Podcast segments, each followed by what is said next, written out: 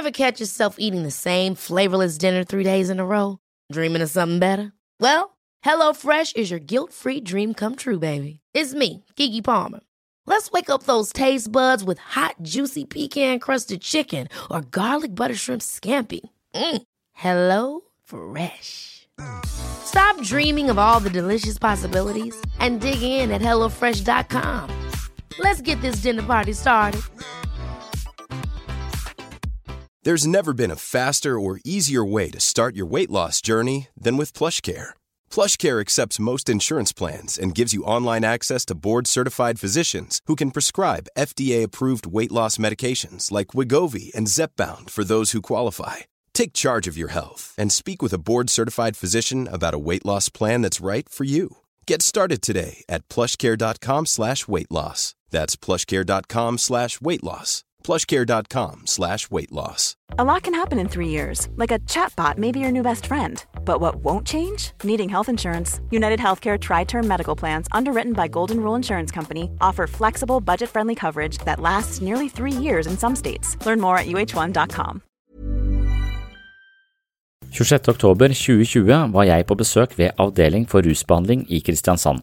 Ansatte leger i systemet har ukentlig undervisning innenfor ulike områder, og dette året har de hatt fokus på psykiatri. De hadde invitert meg til å snakke om eh, psykisk helse og Psykologens journal. Psykologens journal er boka hvor jeg forsøker å lufte livets store spørsmål i samtale med mennesker som ser verden på andre måter enn meg selv. Hva er meningen med livet, og hvorfor gjentar vi til stadighet fortidens tabber, sto sentralt i samtalen denne ettermiddagen. Jeg snakket også en del om våre mentale algoritmer som ofte er feiljusterte, men likevel styrer livet vårt i ulike retninger. De fleste har opplevd at de befinner seg i en situasjon hvor de vet hva de bør gjøre, men gjør det motsatte. Hvorfor skjer egentlig det? Som vanlig er det tusen årsaker til alt vi tenker, føler og foretar oss, og jeg inviterer deg herved til en ny omgang med dissekering av vårt indre liv i møte med leger som jobber med rusmisbrukere. Tusen takk for at du er Patron-supporter, og velkommen til en ny eksklusiv Patron-episode her på Sinnsyn. Det er ikke så ofte jeg blir, eller det er nesten aldri jeg blir bedt om å snakke om psykologens journal, eh, for at den, den sånn, eh, et mer sånn særegent, litt sånn snevert bokprosjekt. Det er oftere at jeg blir bedt om å snakke om selvfølelse, som jeg har skrevet om, eller selvbilde, som er mer sånn typiske psykologiske temaer. Men Psykologens journal er liksom, det føler jeg kanskje det viktigste jeg har gjort for min egen del. Da, at det, det var et, eh, en ganske lang og, og veldig sånn eh, interessant reise for meg. Og, og når jeg var ferdig med det, så var det egentlig veldig trist. Eller det var sånn, jeg, jeg mistet, eh, mistet, et eller annet som eh, hadde vært viktig ganske lenge. Jeg, jeg, sier jo selv at jeg gikk inn i det prosjektet jeg, jeg, jeg er fra Østlandet, jeg er fra Tønsberg. Jeg har ikke noe religiøs oppvekst. hvis du spør foreldrene mine, så ville de kanskje sagt at eh, ja, de er sånn kulturkristne, kanskje, eh, på en eller annen eh, måte. Altså, de, har noe, de, har ikke hatt noe bevisst forhold til det. Og det har ikke jeg heller. Bortsett fra at jeg har jo blitt jaget av sånn type eksistensielle spørsmål hele livet. Som hva er meningen, og hvorfor er vi her, og er det flere her? og er vi nødt til å dø? Noen vil dø. Hva er det med de? Altså, det er mange sånne, sånne ting som jeg alltid har, har tenkt mye på.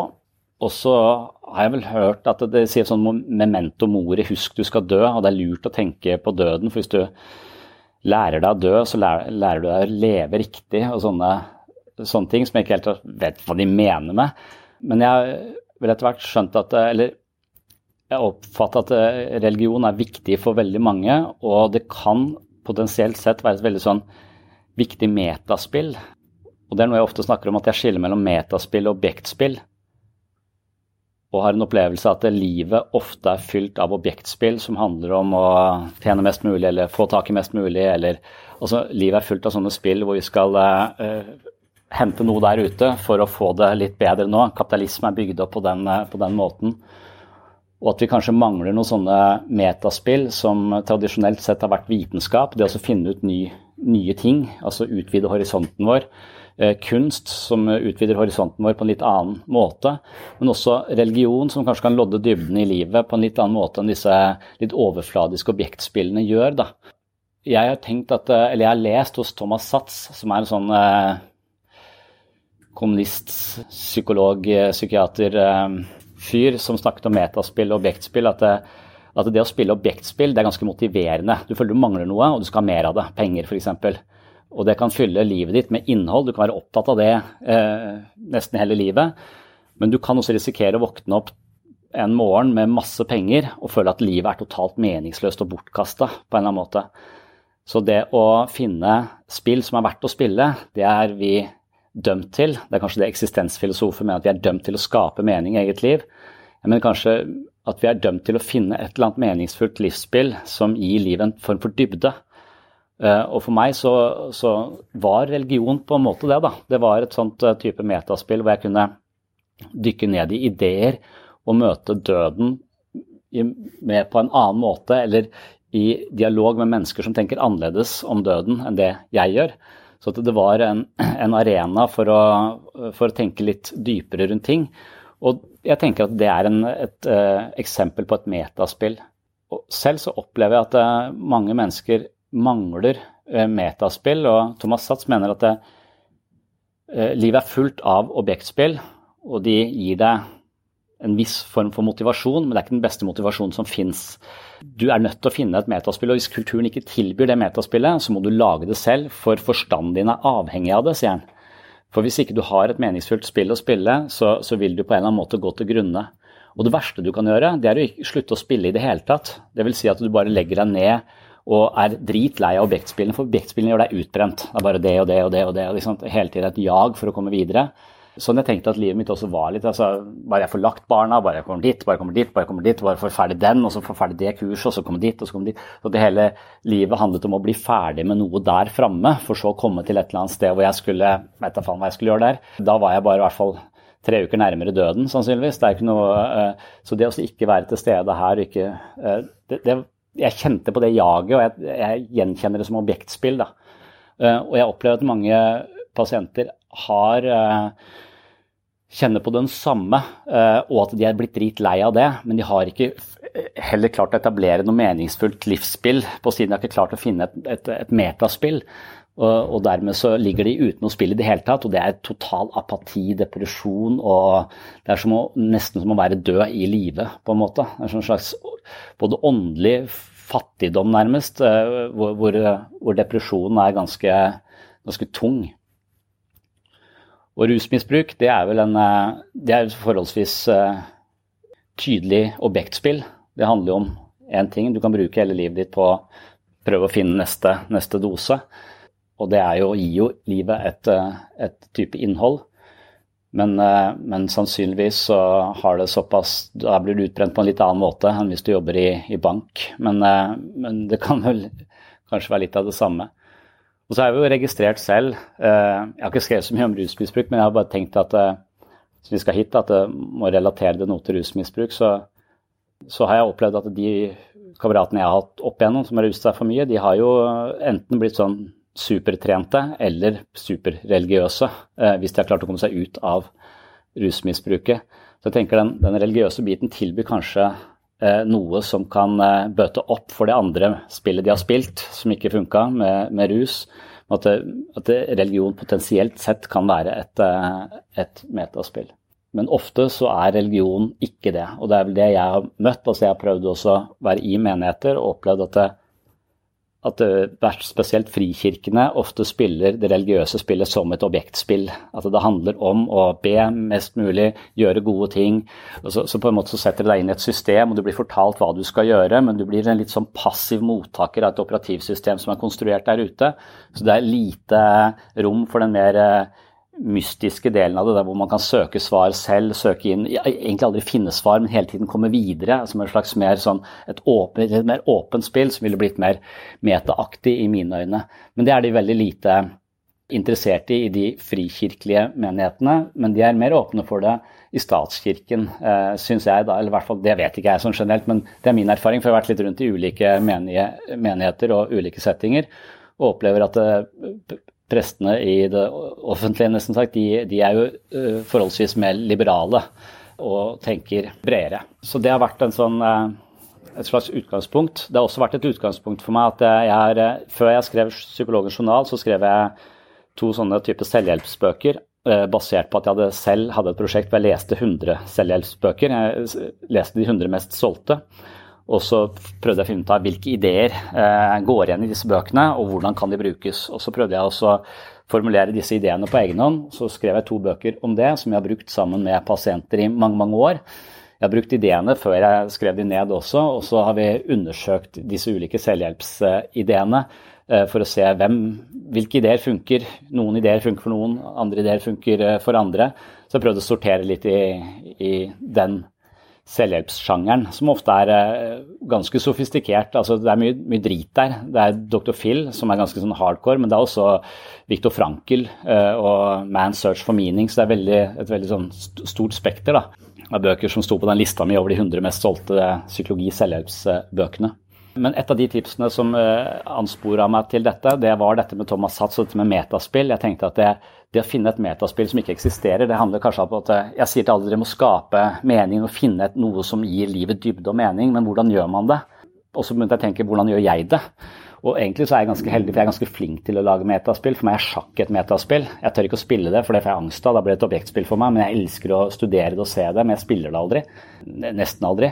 Men det å da klare å materialisere en sånn nysgjerrighet på de store eksistensielle spørsmålene, hva er meningen med livet, hva skjer når vi dør, og så klare å materialisere det, gjøre det til et spill jeg kunne spille i livet mitt. Og spill altså en, en måte å leve på, en måte å tenke på, noe som en ledsager på en måte i livet mitt, så ble Psykologens journal da et sånt prosjekt hvor jeg, eh, hvor jeg skapte mitt eget metaspill, som jeg selv opplever det, eh, i en menighet. Som var den østsida frikirke, da, først og fremst, men også en del sånn misjonskirker og litt rundt, rundt forbi. Så det var et utgangspunkt. Og så ut ifra all den selvhjelpslitteraturen så sto det også at du kan velge mellom å ha rett og ha gode relasjoner. Og det, det var en sånn ting som gikk igjen. Og jeg hadde hatt veldig behov for å ha rett når det gjaldt religion. Så religion kom også opp som en sånn ting, for at det, var der jeg var dårligst. Altså Kona mi sa på et eller annet tidspunkt at du får aldri lov til å diskutere religion med noen, for da går det alltid skeis. For at jeg ble irritert på folk som kunne tro på ting jeg mente var hårreisende idiotisk. Uh, og det var en uh, anså jeg som var en ganske dårlig det førte i hvert fall ikke noe vei, altså bortsett fra at jeg røyk uklar med folk. Så det hadde ingen, uh, ingen positive effekter på, på, mitt liv. Det var liksom sånn En ting er hvis du går inn i en debatt, uh, og virkelig det er liksom vi, vi, har satt opp Her er rammene, her er en debatt. Vi skal debatt. Da er det liksom som om vi har en ring, vi skal bokse sammen. ok, vi to skal slåss, det er greit, vi har ordna rammer. Men når det blir på fest, så blir det mer sånn der eh, slåssing eh, på do, liksom. I dokøen. Eller bare, det, blir sånn, det blir sånn utagering, nærmest.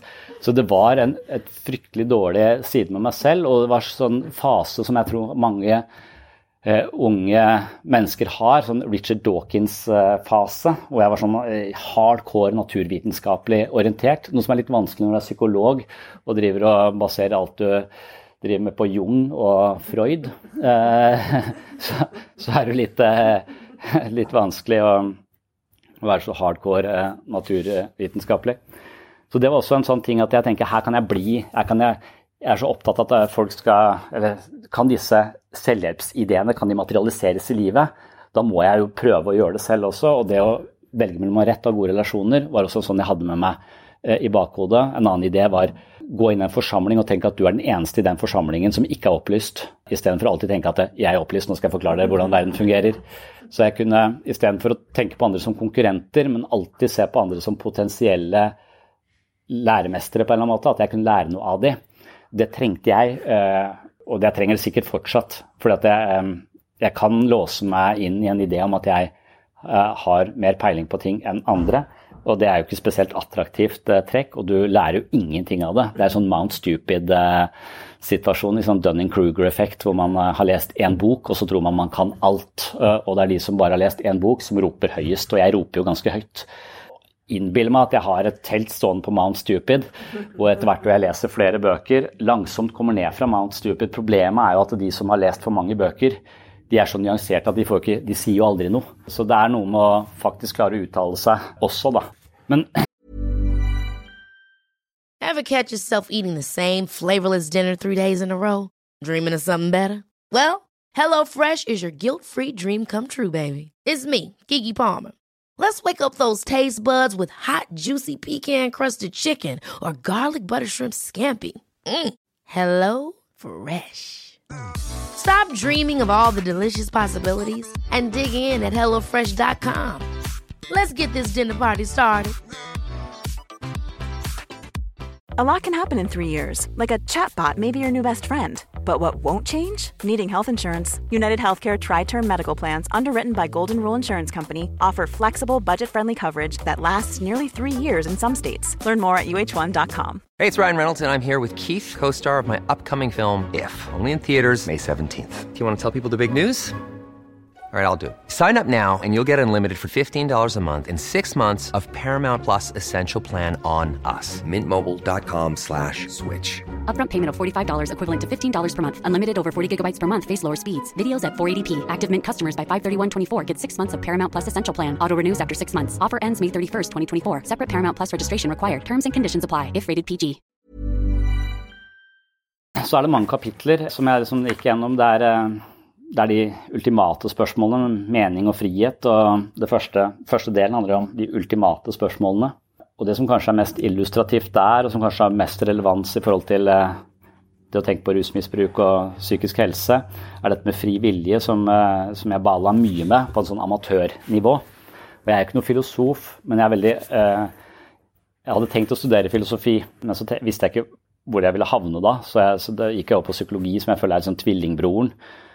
Eh, men jeg studerte litt eh, filosofi først, og så gikk jeg over på det. Men, eh, men fri vilje er også sånn, litt, kanskje litt sånn pubertalt filosofisk spørsmål som alle også er innom, har jeg inntrykk av. Når jeg snakker med og har så når jeg er på sånn filosofifestivalen og liksom er full av ideer om fri vilje, så sitter de der eldre filosofene og, og ja, du, ja, ser på meg som en konfirmant, på en måte. sånn eh, ivrig og, og, Men jeg måtte på en måte gjennom den eh, fasen, da, og jeg syns den fasen var interessant. Og jeg snakker mye om den fasen ennå, for jeg vet ikke om alle har vært gjennom den, men den fasen. men alt jeg driver med i psykisk helse, handler jo om å på en måte lodde dybden og forstå vårt eget indre liv. Og på sett og vis så handler det om å, å avkode alle de tingene vi bare gjør på autopilot, eh, som fører oss inn i ulike blind, blindgater. Og det å tenke på fri vilje ville for meg være et verktøy for tenkning. Og det at jeg har tenkt mye på fri vilje, det gir meg en eh, et, et, verktøy som jeg også bruker i, i, jobben min og ofte gir videre. Eh, for, det, for det fri vilje, det kan komme til å tenke på liksom Vi kan begynne å reflektere over verdiene våre, hvordan vi er skrudd sammen, hva vi egentlig er for, et, for en størrelse. Da. Og, og problemet med, med, med, fri vilje, for å, for å begynne der, er så fra mitt sånn eh, rasshøl ateistiske, positivistiske eh, nivå, så har ikke mennesket fri vilje. For det vil være å hva skal man si, det vil være å gå imot naturens lover og tro at vi har noe som heter fri, fri vilje. For alt annet rundt oss virker til å fungere på en type årsak-virkning. Av og til veldig kompleks, kompleks, så vi ikke kan forstå denne årsak-virkningen. Men å tro at vi skulle kunne gå utover årsak-virkning og på en måte stoppe denne kausal, kausaliteten, det, det mener de, de, kristne i hvert fall, at da må du uh, tro på Gud. da. Fordi at vi er, eh, er Ting er, har alltid en årsak, og det er sånn som Freud eh, snakker om, at alt vi gjør og tenker har en årsak. Alt jeg sier, det sier jeg fordi at alle disse biljardkulene har truffet hverandre på den måten til at jeg havner her sånn. Og det å tro at jeg kan velge noe annet eller få en biljardkule til å gå ut av banen sin, det vil være å tro at jeg er Gud. Men så er vi jo eh, da fått denne ånden blåst inn i nesa vår. Eh, Adam fikk det av Gud, så vi har faktisk eh, muligheten da, til, å, til, å, velge. Og vi har en fri vilje, noe som på en måte er også utgangspunktet for moralen og etikken vår. At vi kan ansvarliggjøres for egne handlinger. da. Pga. at Gud ville at vi skulle være frie, så ga han oss muligheten til å velge det onde. Eh, og det er sånn de forstår ondskapens eh, problem, så vi kan velge, eh, velge det onde. Og da kommer til helvete til å ta konsekvensen av det. Men hvis du går over i en mer sånn naturvitenskapelig sånn, så er det mange som vil hevde at frivillige er en illusjon. Det er en bra illusjon, for vi trenger å ha det, for vi trenger å føle at vi er ansvarlige for handlingene våre. Men dypest sett så er vi ikke det. Alt vi gjør, er et resultat av alt som har skjedd tidligere, og vi er eh, på en måte bare født inn i, i dette biljard, eh, på dette biljardbordet, og vi dyttes i ulike retninger, og så, og så havner vi der vi havner. Vi kan ikke egentlig da klandre folk. Det å ikke klandre folk syns jeg er et ganske sånn godt perspektiv. Det bruker jeg ofte. Så jeg bruker perspektiver fra begge sider her, litt avhengig av hvordan jeg trenger de. Men eh, jeg bruker dette mer deterministiske perspektivet når jeg skal eh, være tålmodig med barna, så tenker jeg at eh, nå gjør du bare det her for å være slem mot meg. Du er en ond person, og så blir jeg forbanna. Det er et mer kristent perspektiv. Men hvis jeg tenker du har ikke prefrontal cortex i det hele tatt. Eh, du er som en slags løs kanon av følelser som skyter i alle retninger uten evne til å regulere deg selv ned. Så jeg kan ikke på en måte klandre deg eller bli sint på deg for at du mangler en del i hjernen din. Så, så da kan jeg på en måte frita eh, disse små menneskene for fri vilje, eh, og, og så ha større grad av tålmodighet eh, med dem. Så jeg kan bruke disse ulike perspektivene i ulike settinger. Når kona mi sier 'jeg elsker deg', så bruker jeg ikke dette deterministiske perspektivet. For da kan jeg tenke at ja, det er fordi at vi har noen feromoner som svinger i samme, samme, takt, som gjør at vi møttes in the first place. Og når vi møttes, var begge to i et land hvor vi ikke kjente noen andre. Så vi var mer eller mindre avhengig av å ha en eller annen som snakket det samme språket. Så vi bare kobla oss på hverandre med en gang. Det var en overlevelsesstrategi. Siden så har vi fått barn, og ingen av oss kan håndtere disse barna på egen hånd, så derfor så er vi nødt til å holde sammen. Jeg kan forklare kjærligheten ved å bare ta den fra hverandre øh, i dens byggestener, som kanskje er en sant perspektiv. Altså, det er noe Det er bare masse eh, overlevelsesmekanismer som til sammen har eh, skapt denne familien, og kulturelle påvirkninger som sier vi skal leve på den måten osv. Men hvis jeg tenker sånn når hun sier 'jeg elsker deg', så blir den 'jeg elsker deg' litt stussligere. Jeg vil jo at hun skal ha valgt meg av sin egen frie vilje, eh, på en måte. At, at jeg trenger, trenger, det perspektivet i den, eh, i den settingen. Og videre da, så, så, er jeg også på en måte litt uavklart med hva jeg tenker om, eh, om fri vilje, men det har gitt meg mange sånne ideer som, kan, som, jeg kan kaste ut og bruke sammen med pasienter i det jeg kaller biblioterapi, hvor vi sitter og drøfter sånne ting som det her. En del av de tingene er jo på, på en måte så tror jo jeg på Eller jeg, utgangspunktet mitt som psykolog er at vi har en viss grad av fri vilje. Eh, for det er det jeg på en måte legger opp til. Jeg mener at det psykisk lidelse er å ikke ha frivillige. Det handler om å nettopp handle på autopilot. Men hvis vi klarer å forstå vår egen algoritme, vår egen automatikk, så har vi muligheten ved å se den og beskrive den, heve oss over den og handle annerledes. Det er en idé jeg har som, eh, som psykolog, det er det, det er det, jeg baserer meg på. Og da må jo til en annen, på en eller annen nivå fri vilje eksistere, da. Så, eh, så, det baserer jeg meg litt på. Så veldig mye av det, det jeg driver med, handler jo da om å eh, få folk til å tenke på i hvilken grad de er handler, eller hvordan de handler, hva slags algoritmer som styrer måten de handler på. Eh, og Det er også en sånn fri vilje-problematikk. Og, og, og, jeg har liksom pleier da å starte den der bevegelsen innover i mitt eget indre ved å lure på ja, er jeg et godt eller et dårlig menneske, f.eks. Det har jeg fundert på. Det funderte jeg på veldig mye etter at jeg så den filmen som heter False Major, eller Turisten, hvor det sitter en sånn fyr eh, sammen med familien sin oppe i Alpene på en sånn skiferie. Jeg vet ikke om du har sett den, og så har han på seg en ja, de, er på skiferie med familien, han har to barn og kona. og skal de ta en pause fra skiene, så setter de seg på en kafé. Og så driver de også og sprenger litt rundt forbi i området, for de må jo sprenge ned sånne snøras, så det blir eh, trygt å være der. Og så kommer det et snøras der borte, det buldrer og bråker, og så tenker jeg at det er bare sånn kontrollerte snøras. Men så viser det at det snøraset kommer bare nærmere og nærmere og nærmere. og nærmere, nærmere. Eh, og så til slutt så skjønner de oi, det her går det her går galt. Eh, og så blir de da, får, får panikk. Han tar lua si, mobiltelefonen, og så stikker han. Eh, kona tar begge barna sånn og bare bøyer seg, og så kommer snøen og legger seg som sånn lett lag over dem. Men han, han har stukket av. To minutter seinere kommer han tilbake igjen med lua og mobilen sin, og da er det dårlig stemning. Hans umiddelbare, eller hva skal jeg si, hans refleks, det er å stikke av fra familien sin i denne situasjonen. Og det er litt forskjellig intuisjon folk har. da. Gjør det han til et dårlig menneske? Det er en sånn filosofisk debatt. Altså. Noen vil si nei, for at han hadde handla annerledes hvis han hadde tenkt seg om. Og det er når han tenker seg om, det er det som definerer han som, som menneske. Min intuisjon er motsatt. Jeg tenker at det er det jeg gjør på refleks uten å tenke meg om, som er meg, på sett og vis. Så jeg blei livredd for at jeg er en sånn fyr som stikker av. Når jeg, eh, når jeg satt og så på den filmen, så jeg stoppa filmen og sa til kona mi du, jeg hadde ikke stukket av på den måten. Og så måtte hun tenke seg om. Så det var sånn Der skulle du bare svare sånn. Nei, du hadde ikke gjort det. Eh, gjort det. Og da ble jeg veldig usikker eh, på, på, på, meg sjøl. Og den usikkerheten det er jo på sånn, Hvis ikke jeg får lov hvis ikke jeg får tid til å tenke meg om, er jeg da en menneske som stikker av fra, fra familien min? Og hvis jeg er det, så kan jeg ikke noe for det. Det er bare sånn jeg skrudde skrudd sammen. Men igjen, da mener jo jeg kanskje at det er, det er mulig å um, tvile så mye på seg selv at man etter hvert klarer å koble seg selv på den måten at man lever i tråd med prinsippene sine, og ikke nødvendigvis umiddelbare responser på den eh, måten, ved å nettopp tvile litt på seg selv og hele tiden undersøke seg selv og sin egen motivasjon, og være interessert i sitt eget uh, indre liv og mine egne umiddelbare responser, kanskje kunne justere litt lenger ned i dette mer ubevisste makkverket. Så, så jeg blei uh, usikker på, hvem, uh, på, på, om jeg er en sånn, sånn, person. Og nå fikk jeg For jeg husker en gang jeg var på Grøna Lunden i Sverige, og da var det sånn skrekkhus med masse sånne folk. Og Da minnes jeg at det kom en sånn fyr mot oss som var så veldig skummel så tok jeg kona mi bare tok henne foran meg. så jeg er usikker på om jeg hadde redda henne i en sånn krisesituasjon. Men nå var jeg akkurat ute i Dyreparken sånne skumle dager med den eldste dattera mi. Og da kom det også masse sånne skumle folk mot oss. Og da var responsen min å ta henne under armen og beskytte henne.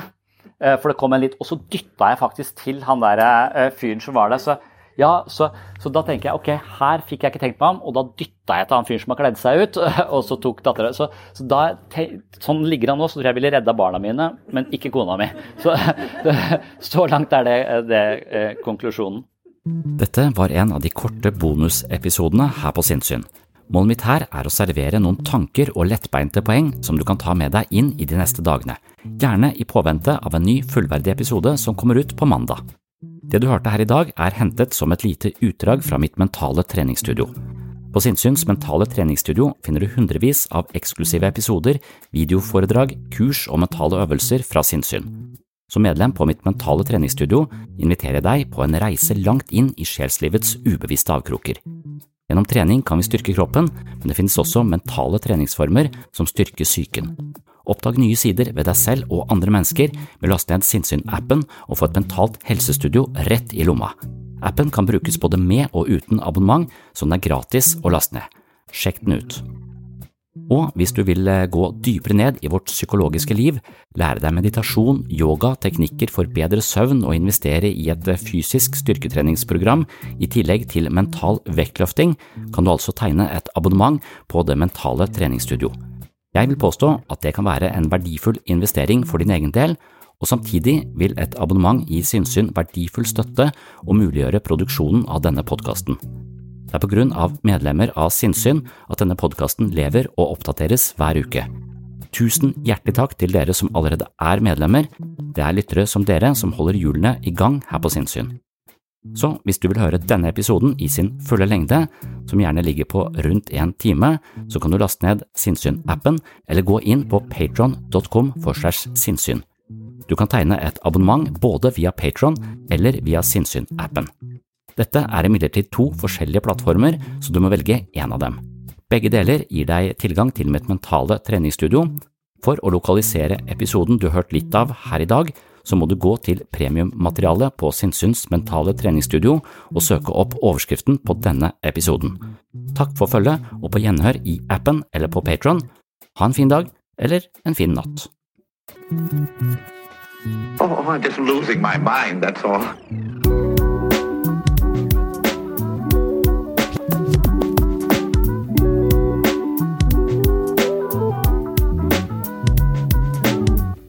Discuss some of the I can discuss some of the I can discuss some of the psychological aspects of the case. Psycho, psycho, psychological aspects of the case. You've got to get a hold of yourself.